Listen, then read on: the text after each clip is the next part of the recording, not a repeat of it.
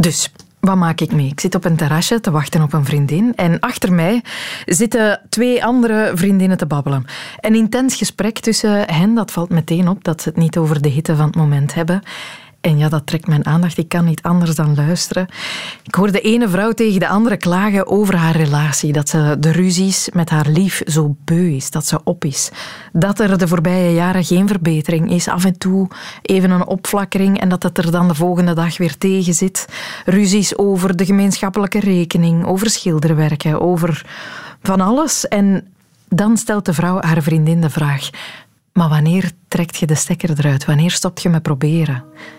En die vraag is blijven hangen, want ja, hoe moeilijk is dat niet om te beantwoorden? Wanneer weet je dat je moet scheiden? Wanneer heb je genoeg geprobeerd? Kan je dat ooit weten met enige zekerheid? Daar wil ik het graag eens over hebben. Welkom in de wereld van Sophie.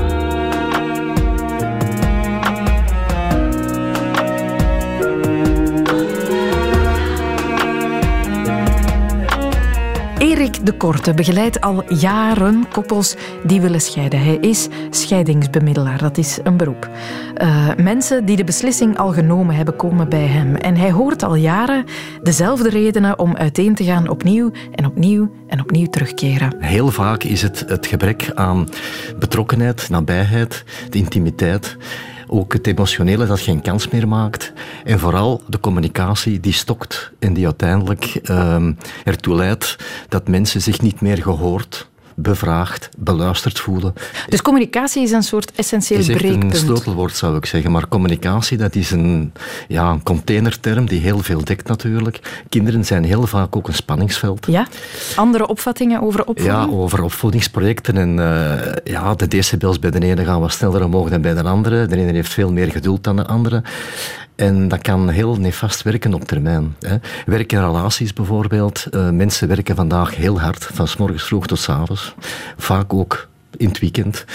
En uh, ja, dat toont zich soms in de relatie, omdat er dan s'avonds ook nog weinig tijd is voor elkaar. Hè. Uh, nog een ander punt dat ook heel dikwijls aanleiding geeft om de stekker eruit te trekken, dat is uh, geld. De ene verdient meer dan de andere en vindt dat hem zich dan ook meer kan veroorloven. Hè. Ja, soms hebben mensen een gat in hun hand en de andere wil potten en sparen. En als laatste puntje, toch wel heel dikwijls voorkomt in de praktijk, dat is seksualiteit. Seks, seksualiteit, twee verschillende dingen. Maar als de verwachtingen en wensen onuitgesproken blijven, mm -hmm. um, ja, dan zoeken mensen soms op een ander. En dan zeggen ze, ja, het vreemdgaan is de oorzaak, maar het is heel dikwijls van de voorgaande redenen de N factor die dus speelt. Ah, ja, het is zelden of, of het is heel vaak en en. Dat maakt dat mensen uiteindelijk zich aangesproken voelen buiten het, het gezin. Ja. En dan is de stap kleiner en sneller gezet. Wat is uw functie in zo'n bemiddeling? Wat doet u met een koppel dat uh, bij u aan tafel komt zitten? Wel, uh, ik heb een, heel vaak een openingsvraag. Um, dat ik vraag aan de koppels, terwijl ik een glasje water inschenk. Wat heeft jullie tot hier gebracht? En als ik dan vijf à tien seconden niks zeg, dan worden de mensen ongemakkelijk. En dan hoor je soms zo van, ja, hij wil scheiden, zij wil scheiden. En dan open ik het gesprek met de vraag, ja, wat betekent dat voor jou als je hoort dat je partner wilt scheiden? En soms ontspint zich een heel vruchtbaar gesprek, dat mensen zeggen, dit gesprek hadden we twee jaar eerder moeten hebben. Maar soms wordt dat afgeblokt en zeggen ze, ja, nee, dat hebben we al gehad, we komen voor een scheiding. Okay. En dan komt eigenlijk uh, heel de regeling op de proppen. Ja, gebeurt het soms dat koppels in bemiddeling bij u zich bedenken en daar beslissen, we kunnen het toch nog eens proberen? Ja, um, waarom stel ik de eerste vraag? Omdat uh, wij zijn scheidingsbemiddelaar, maar we zijn geen therapeuten, maar we zijn ook geen psychologen en psychiaters. Hè. Uh, we zijn bemiddelaars, we zijn economisch gevormd en ook qua rechten. Maar Um, mensen bedenken zich soms, omdat ze gaandeweg in het gesprek merken van we hebben nog niet alles uit de kast gehaald. En wij zetten hen mee op weg ja, ja. om de weg te gaan, maar is er nog ruimte voor? Willen ze allebei nog proberen? Willen ze nog beide nieuwe zuurstof geven in de relatie? En dan niet van, als jij, dan zal ik. Nee, nee, wat wil ik nog investeren in de relatie? Ja. Voelt u het snel aan hoe diep het water is? Of het, of er nog hoop is of, of het nooit ah, meer gaat goedkomen? We zijn al tien jaar bezig, dus je voelt dat heel snel aan, moet ik zeggen. Uh, of het nog kan of niet meer kan. Uh, zeker als er al een nieuwe relatie aan de gang is met een van beide partners, ja, is die bereid, hij of zij, bereid om die relatie op te geven en om terug te keren naar eigenlijk de bron van hun eerste samengaan. Hè. En dan wordt er vaak gerefereerd, wat heeft jullie naar eigenlijk vroeger bij elkaar gebracht? En wat maakt dat dat nu niet meer speelt? Hè? Mhm. Die gesprekken zijn heel vruchtbaar en het, we zijn wel scheidingsbemiddelaar, maar we zijn heel dikwijls ook relatieherstelbemiddelaar. En ah, dat kan... Ja, dat kan ook, ja. Wanneer weet u, dit is een verloren zaak? Wat zijn de signalen of wat zijn de typische eigenschappen van een relatie die dood is? Um, ja, er zijn wel meerdere factoren, maar als er totaal geen bereidheid meer is, en soms zeggen mensen heel brutaal en heel bout, ik zie u niet meer graag. Ja, dat is enorm pijnlijk natuurlijk, maar als er geen liefde meer is, en er is geen klein vlammetje meer, ja, waar rest eigenlijk nog in de relatie? En er zijn toch nog mensen die ervoor kiezen om in de relatie te blijven. Wij maken regelmatig mee dat mensen eigenlijk onvoldoende financiële middelen hebben om te kunnen scheiden. Scheiden is gemakkelijk, maar ja, je gaat wel samen nadien op pad.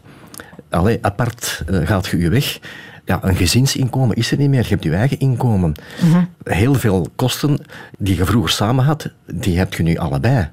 Ja, soms moeten mensen uit elkaar gaan en krijgen ze zelfs de waarde van de lening niet terug, waarbij ze met schulden starten. Kinderen natuurlijk ook heel belangrijk. Ja, kinderen kosten, hè, maar deze verblijfsregeling is een gezagsregeling. Ja, wie heeft de domicilie? Hoe zit het met de uh, fiscaliteit? Welke kosten gaan we maandelijks dekken? Wat gaan we afrekenen apart? Het is heel belangrijk dat dat allemaal heel goed uitgetekend wordt en mm gedetailleerd beschreven wordt om latere discussies en natrappen te vermijden. Ja. Zo die financiële bezorgdheden zijn natuurlijk heel erg begrijpelijk en, en normaal dat je daar rekening bij houdt bij een scheiding, maar zijn dat, is dat ook een goede of voldoende motivatie om bij iemand te blijven? Wel, ehm, ik zeg soms tegen de koppels, uh, een man wordt gemiddeld 79 jaar vandaag en een vrouw 82 uh, en 8 maanden. Um, en als koppels bij mij komen, die zijn 30 of 35 of 50 of 60. En zegt, ja, ziet je dan nog zitten om nog 40 jaar zo aan te modderen? Hè? Nog 30 jaar aan te modderen, nog 10 jaar zo verder te doen. En dat is voor mensen dikwijls de rode lap dat ze zeggen, dat zie ik echt niet zitten. Het houdt mhm. op.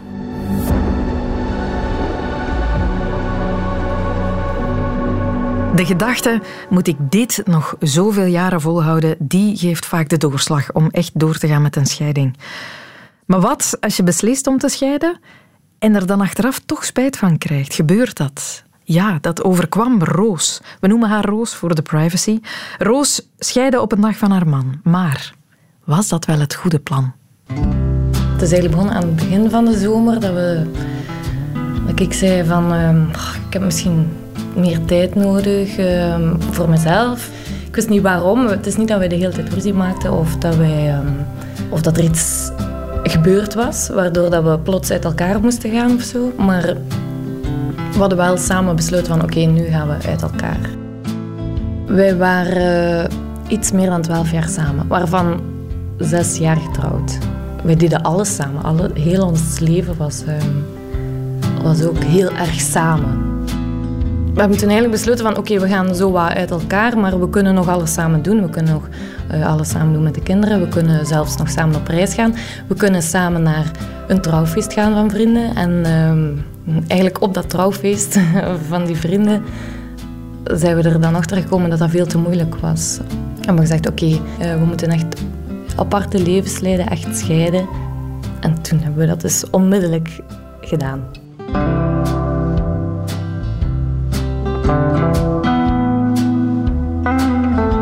Ik had eigenlijk heel snel ehm, een nieuwe relatie of soort van relatie. Dat was niet te vergelijken natuurlijk met, met, de relatie die wij daarvoor hadden.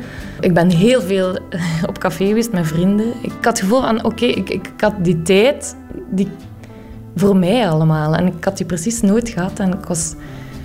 Daardoor was ik veel meer bewust van wie dat ik was geworden. En ik dacht, oei, maar misschien lag het feit dat ik niet gelukkig was in die relatie, lag, dat niet zo aan hem of, of, of aan ons, maar, maar lag dat gewoon aan mij. Aan, aan het feit dat ik niet, niet genoeg aan mezelf heb gewerkt in die relatie en niet genoeg voor mezelf ben opgekomen. Dan tegen de lente, dus dat was eh, drie kwart jaar later, wou, ik nog altijd elke dag bellen om te vertellen hoe, hoe, dat met mij ging en wat ik had gedaan en hoe dat met de kinderen ging. En dat begon meer en meer in mijn achterhoofd te komen van oké, ja, misschien komen wij terug samen en dat zou wel fantastisch zijn als we dat op een andere manier zouden kunnen doen. En ehm, ja, ik heb hem dat dan gezegd. Dat ik heel veel geleerd had over mezelf. Dat, dat ik hem nog steeds heel erg graag zag. En dat ik dacht dat ik wel weer verliefd zou kunnen worden. Hij heeft daar, denk ik, vier dagen over nagedacht. Hij, viel wel compleet uit de lucht. hij had dat totaal niet verwacht, want hij was in tegenstelling tot ik was hij wel door een veel moeilijkere periode gegaan. Maar hij heeft dat wel heel snel beslist. En, en, en dan zijn we dat gewoon onmiddellijk beginnen proberen. En wij waren opeens heel open tegen elkaar. En um, ja, we konden alles ineens bespreken, wat, daarvoor helemaal niet kon. Dus, um, dus in die zin hebben we wel het idee dat, dat we een hele andere relatie hebben. We gaan ook in relatietherapie nu pas. Niet omdat, omdat er een groot probleem is, maar omdat we heel veel hebben meegemaakt. En uh, een beetje als bevestiging van oké, we zijn eigenlijk wel goed bezig. Ik denk dat er heel weinig mensen die 13 jaar samen zijn, zo'n frisse relatie hebben. Dat kan dus ook, hè? scheiden en dan plots inzien dat het toch niet nodig was. Gelukkig dan alle twee tot dat besef komen. Want dat is dan vaak het probleem, dat de een het wel wil en de andere niet meer. Dat overkwam de Nederlandse auteur Elke Geurts. Mijn man eh, die wilde op een dag uh, niet meer verder. Toen ik zei, we moeten iets doen aan onze relatie. Toen zei hij, maar ik wil eigenlijk niks meer doen. Hij wilde niet meer. En zij moest mee in dat verhaal dat zij helemaal niet wilde, waar ze nooit voor gekozen had. En ze heeft daar een prachtig boek over geschreven, Ik nog wel van jou.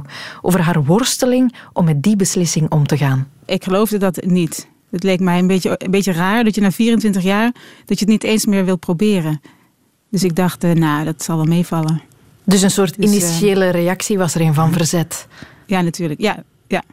Ik dacht, nou, we gaan het proberen. Het lijkt mij, uh, we hebben twee, twee uh, dochters. Het lijkt me zaak om, uh, om hier nog iets van te maken. Ik ga er een ander verhaal van maken, dacht ik. Ja. Een beter verhaal.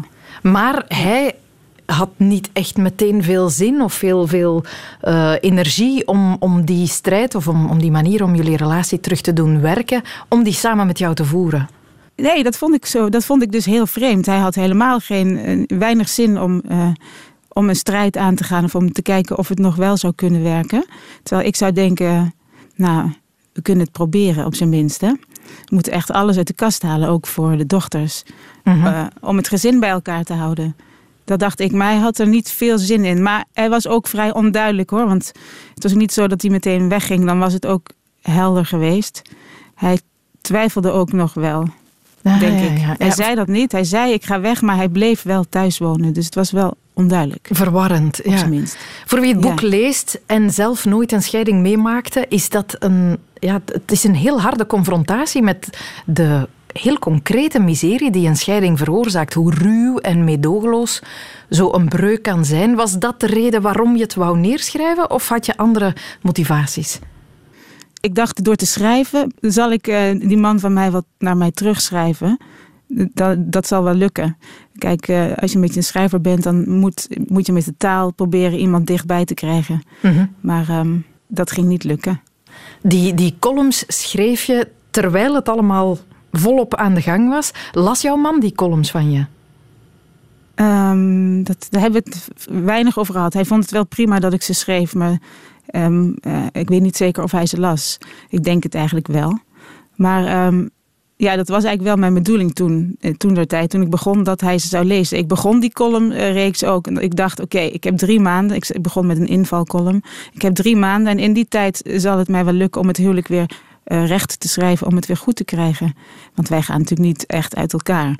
Ja, een, da, daar begon ik de column mee. Een soort manier om, om zelf ook een initiatief te kunnen nemen. Om, om niet gewoon leidzaam te moeten toekijken hoe je leven uiteenvalt. Is het zoiets? Ja, precies. Ja, tijdens het uiteenvallen het, eh, het ook uh, uh, daar iets mee doen, er iets van maken. Er naar kijken en het analyseren, terwijl je ook ondertussen in de misère zit. Ja. is, is het ook op een, op een manier een, een soort manifest, een oproep om mensen ja, goed te laten nadenken over wat dat is, een scheiding, wat dat betekent voor een gezin? Uh, nou, dit, dit, is geen manifest, maar um, ik heb het niet geschreven als een manifest bedoel ik, maar zo, die uitwerking heeft het wel soms, merk ik. Dat vind ik wel grappig. Ja? Dat vind ik wel goed eigenlijk eraan. Ja, ja. Nou ja dat mensen gaan nadenken van, uh, over hun relatie en hoe ze daarin staan. En kijken wij nog naar elkaar en zijn we er nog voor elkaar en hebben we nog contact? En hoe gaat het bij ons? Dat vind ik wel uh, mooi om te merken. Er zijn ook mensen die zeggen: door jouw boek ben ik toch bij, bij mijn man gebleven. Ja. Dat is ook wel grappig. Ja, ja dat, maar dat begrijp ik heel goed. Voorkomen. Ja. Ja? ja, je bent een soort uh, engel voor, voor mensen die, die twijfelen ergens. Maar dat effect had het op mij ook toen ik het las. Dat ik dacht, okay. oh jezus, ik wil dit niet meemaken. Ik wil hier niet doorheen gaan. Omdat je die worsteling zo stapsgewijs... En het gaat ook zo tergend langzaam. En het is zo... Ja. Ja, zwaar. Vreselijk, hè? Ja, vreselijk. Ja. Je weet van tevoren dat het zo gaat. Dat vind ik het ergste. Mhm. Ik wist van tevoren die verwijdering. Als zodra iemand zegt van ja, ik, ik hou niet meer van jou. Je weet vanaf dat moment de verwijdering is in gang gezet. En we worden vreemden van elkaar. En, en, dat gaat stapje voor stapje. En ook al weet je het van tevoren, het gebeurt toch. Dat vind mhm. ik wel raar eraan. Ja, ergens, ergens noem je het, een, ik weet de exacte verwoording niet, een, een heel normale ramp. Was het zoiets? Ja, dat is, dat is eigenlijk, uh, dat kwam uit het verhaal van Alice Munro. Het is een heel normale ramp, die overkomt veel mensen. En daardoor hebben mensen ook de neiging om te denken, oh, een scheiding. Maar um, ja, het is daarom niet minder rampzalig. Het is echt, uh, ja, de bodem wordt onder je weggeslagen even. Ja. Of even, van tijd. Scheiden we soms te snel, denk je? Loslaten is een beetje een modewoord. Van we moeten snel loslaten en aan zelfverwerkelijking doen. Mm uh, en dat is vaak door de problemen dus weg te doen. De, uh, uh, en daar niet naar te kijken. En volgens mij helpt dat dan niet. Dan gaan we misschien door met iets anders.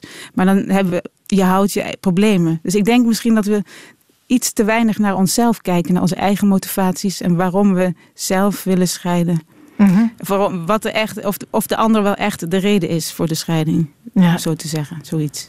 In het boek lees je, hoe, of, of lezen, las ik, hoe, hoe, moeilijk het is voor jou om te aanvaarden dat, dat er een eind komt aan de relatie. Hoe gaat het nu? Heb je je daar ondertussen bij kunnen neerleggen? Ja, nu, nu heb ik mij daarbij kunnen neerleggen. Ik bedoel, ik, uh, ik heb een huis, uh, ben ik bezig met verbouwen. Nee, nu, ik zie dat leven nu wel weer, weer zitten. Eigenlijk moet ik zeggen dat ik het meer zie zitten dan heel lang. Ik vind het interessanter en leuker wat er nu gebeurt dan, uh, dan ik me kan herinneren eigenlijk. Dus dat is wel een beetje cru aan dit hele gebeuren. Uh-huh. En voor de kinderen blijft het uh, natuurlijk het ergste. En dat, dat vind ik nog steeds wel. Zij zitten voor altijd met een gebroken basis. Ja. En die, dat, vind ik, dat had ik ze heel graag willen besparen. Ik zou ze heel graag meer met verbinding willen laten opgroeien. Maar ja, dat, dat is niet gelukt. Not really sure how to feel about it. Something in the way you move makes me feel like I can't live without you. It takes me all the way. I want you to stay.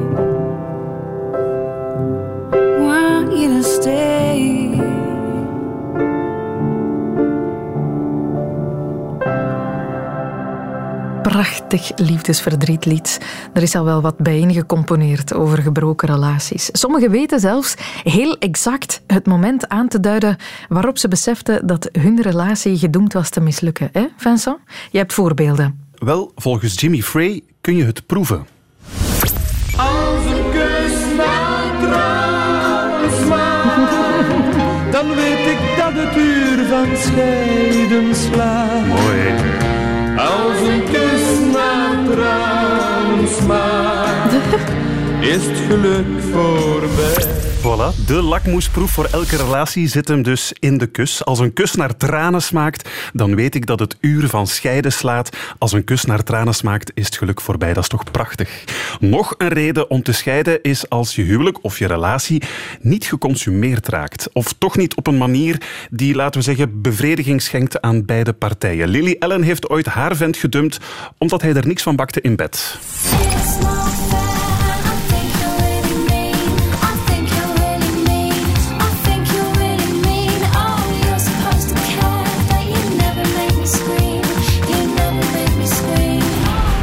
Never Make Me Scream. Lily Allen is dan wel een verdienstelijke zangeres, maar blijkbaar slaagde haar man er dus niet in om haar ook echt de hoogste noot te laten zingen. Reden genoeg, voilà, reden genoeg voor haar om haar luie lover op de straatstenen te keilen. Nog erger natuurlijk is uh, wanneer je partner wel een hengst is in bed, maar helaas op een ander. Weinig vrouwen, Sophie, hebben het overspel van hun man zo doortastend beantwoord als soulzangeres Laura Lee. You were dirty, dirty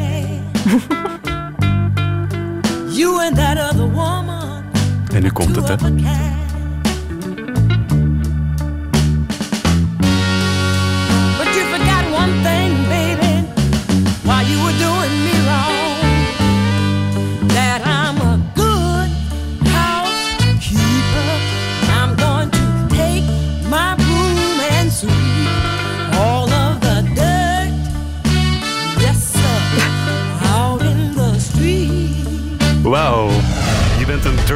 Maar hey, ik ben wel een goede huisvrouw, dus ik neem een borstel en ik veeg al jouw dirt gewoon op straat. Je hoort de deugd die ze ervaart bij het zingen en het maken van dat lied. Sweet Revenge. En daar had die Schobjak denk ik niet helemaal van terug. Maar het zijn niet altijd de mannen natuurlijk die het uh, verbrodden in een relatie. Er zijn ook best gemene vrouwen die een uh, relatiebreuk kunnen uitlokken. Mark Everett van... Minder heb ik gehoord. Maar... Ja, maar toch, toch. Ik heb er ook een paar voorbeelden van. Mark Everett van Eels, I voor de vrienden. Die is er zo eentje tegengekomen, zo'n helleveeg. Voor Mark Everett was de emmer der vernederingen vol toen zijn lief grapjes begon te maken over de grootte van zijn. Did you think that I would laugh when you said I was small?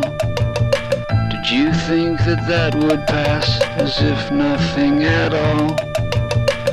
You say a lot of funny things, my little bunny. And I almost always laugh, but that's not really funny. Je zegt heel veel grappige dingen, liefje, maar zeggen dat ik klein geschapen ben, that's not really funny. En buiten stond ze. Het kan altijd nog erger. Comedian uh, Steven Lynch was ooit zijn dochtertje aan het onderstoppen toen zij vroeg waarom mama bij hem was weggegaan. En Steven uh, Lynch dacht, ik probeer dat een beetje zacht aan te brengen. Ik zal het uitleggen aan de hand van een slaapliedje. Daddy is here and he'll sing you a soft lullaby tonight. How can I explain why mommy's not here anymore? Cause daddy likes porno and ten dollar whores. Daddy gets wasted in Rob's liquor stores. Daddy likes rubbing against little boys on the bus. That's why your mommy left us. Naar porno kijken, goedkope hoeren bezoeken, drankenhandels overvallen en jezelf op de bus aanschurken tegen kleine jongetjes. Ik denk dat Steven Lynch zijn ex veel redenen heeft gegeven om bij hem weg te gaan. Maar de meest originele reden om te scheiden komt toch van Guy Ritchie. Britse regisseur, ken je, hè? onder meer bekend van Snatch. Um, Guy Ritchie ging in 2000 uh, eh, uiteen met zijn toenmalige lief met een wel heel bijzondere argumentatie. Robbie Williams, de zanger, heeft zijn afscheidsbrief letterlijk verwerkt in dit nummer.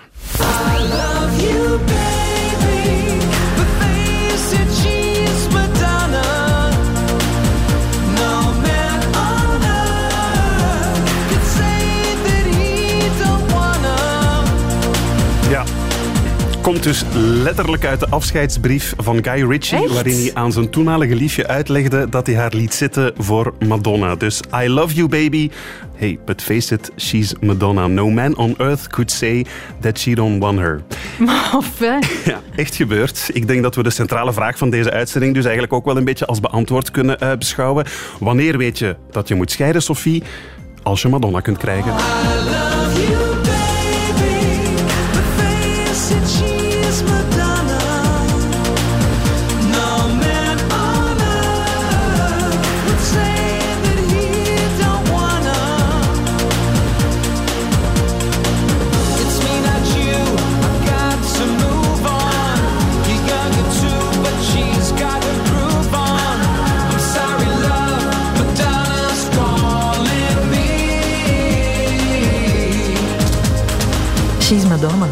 Robbie Williams.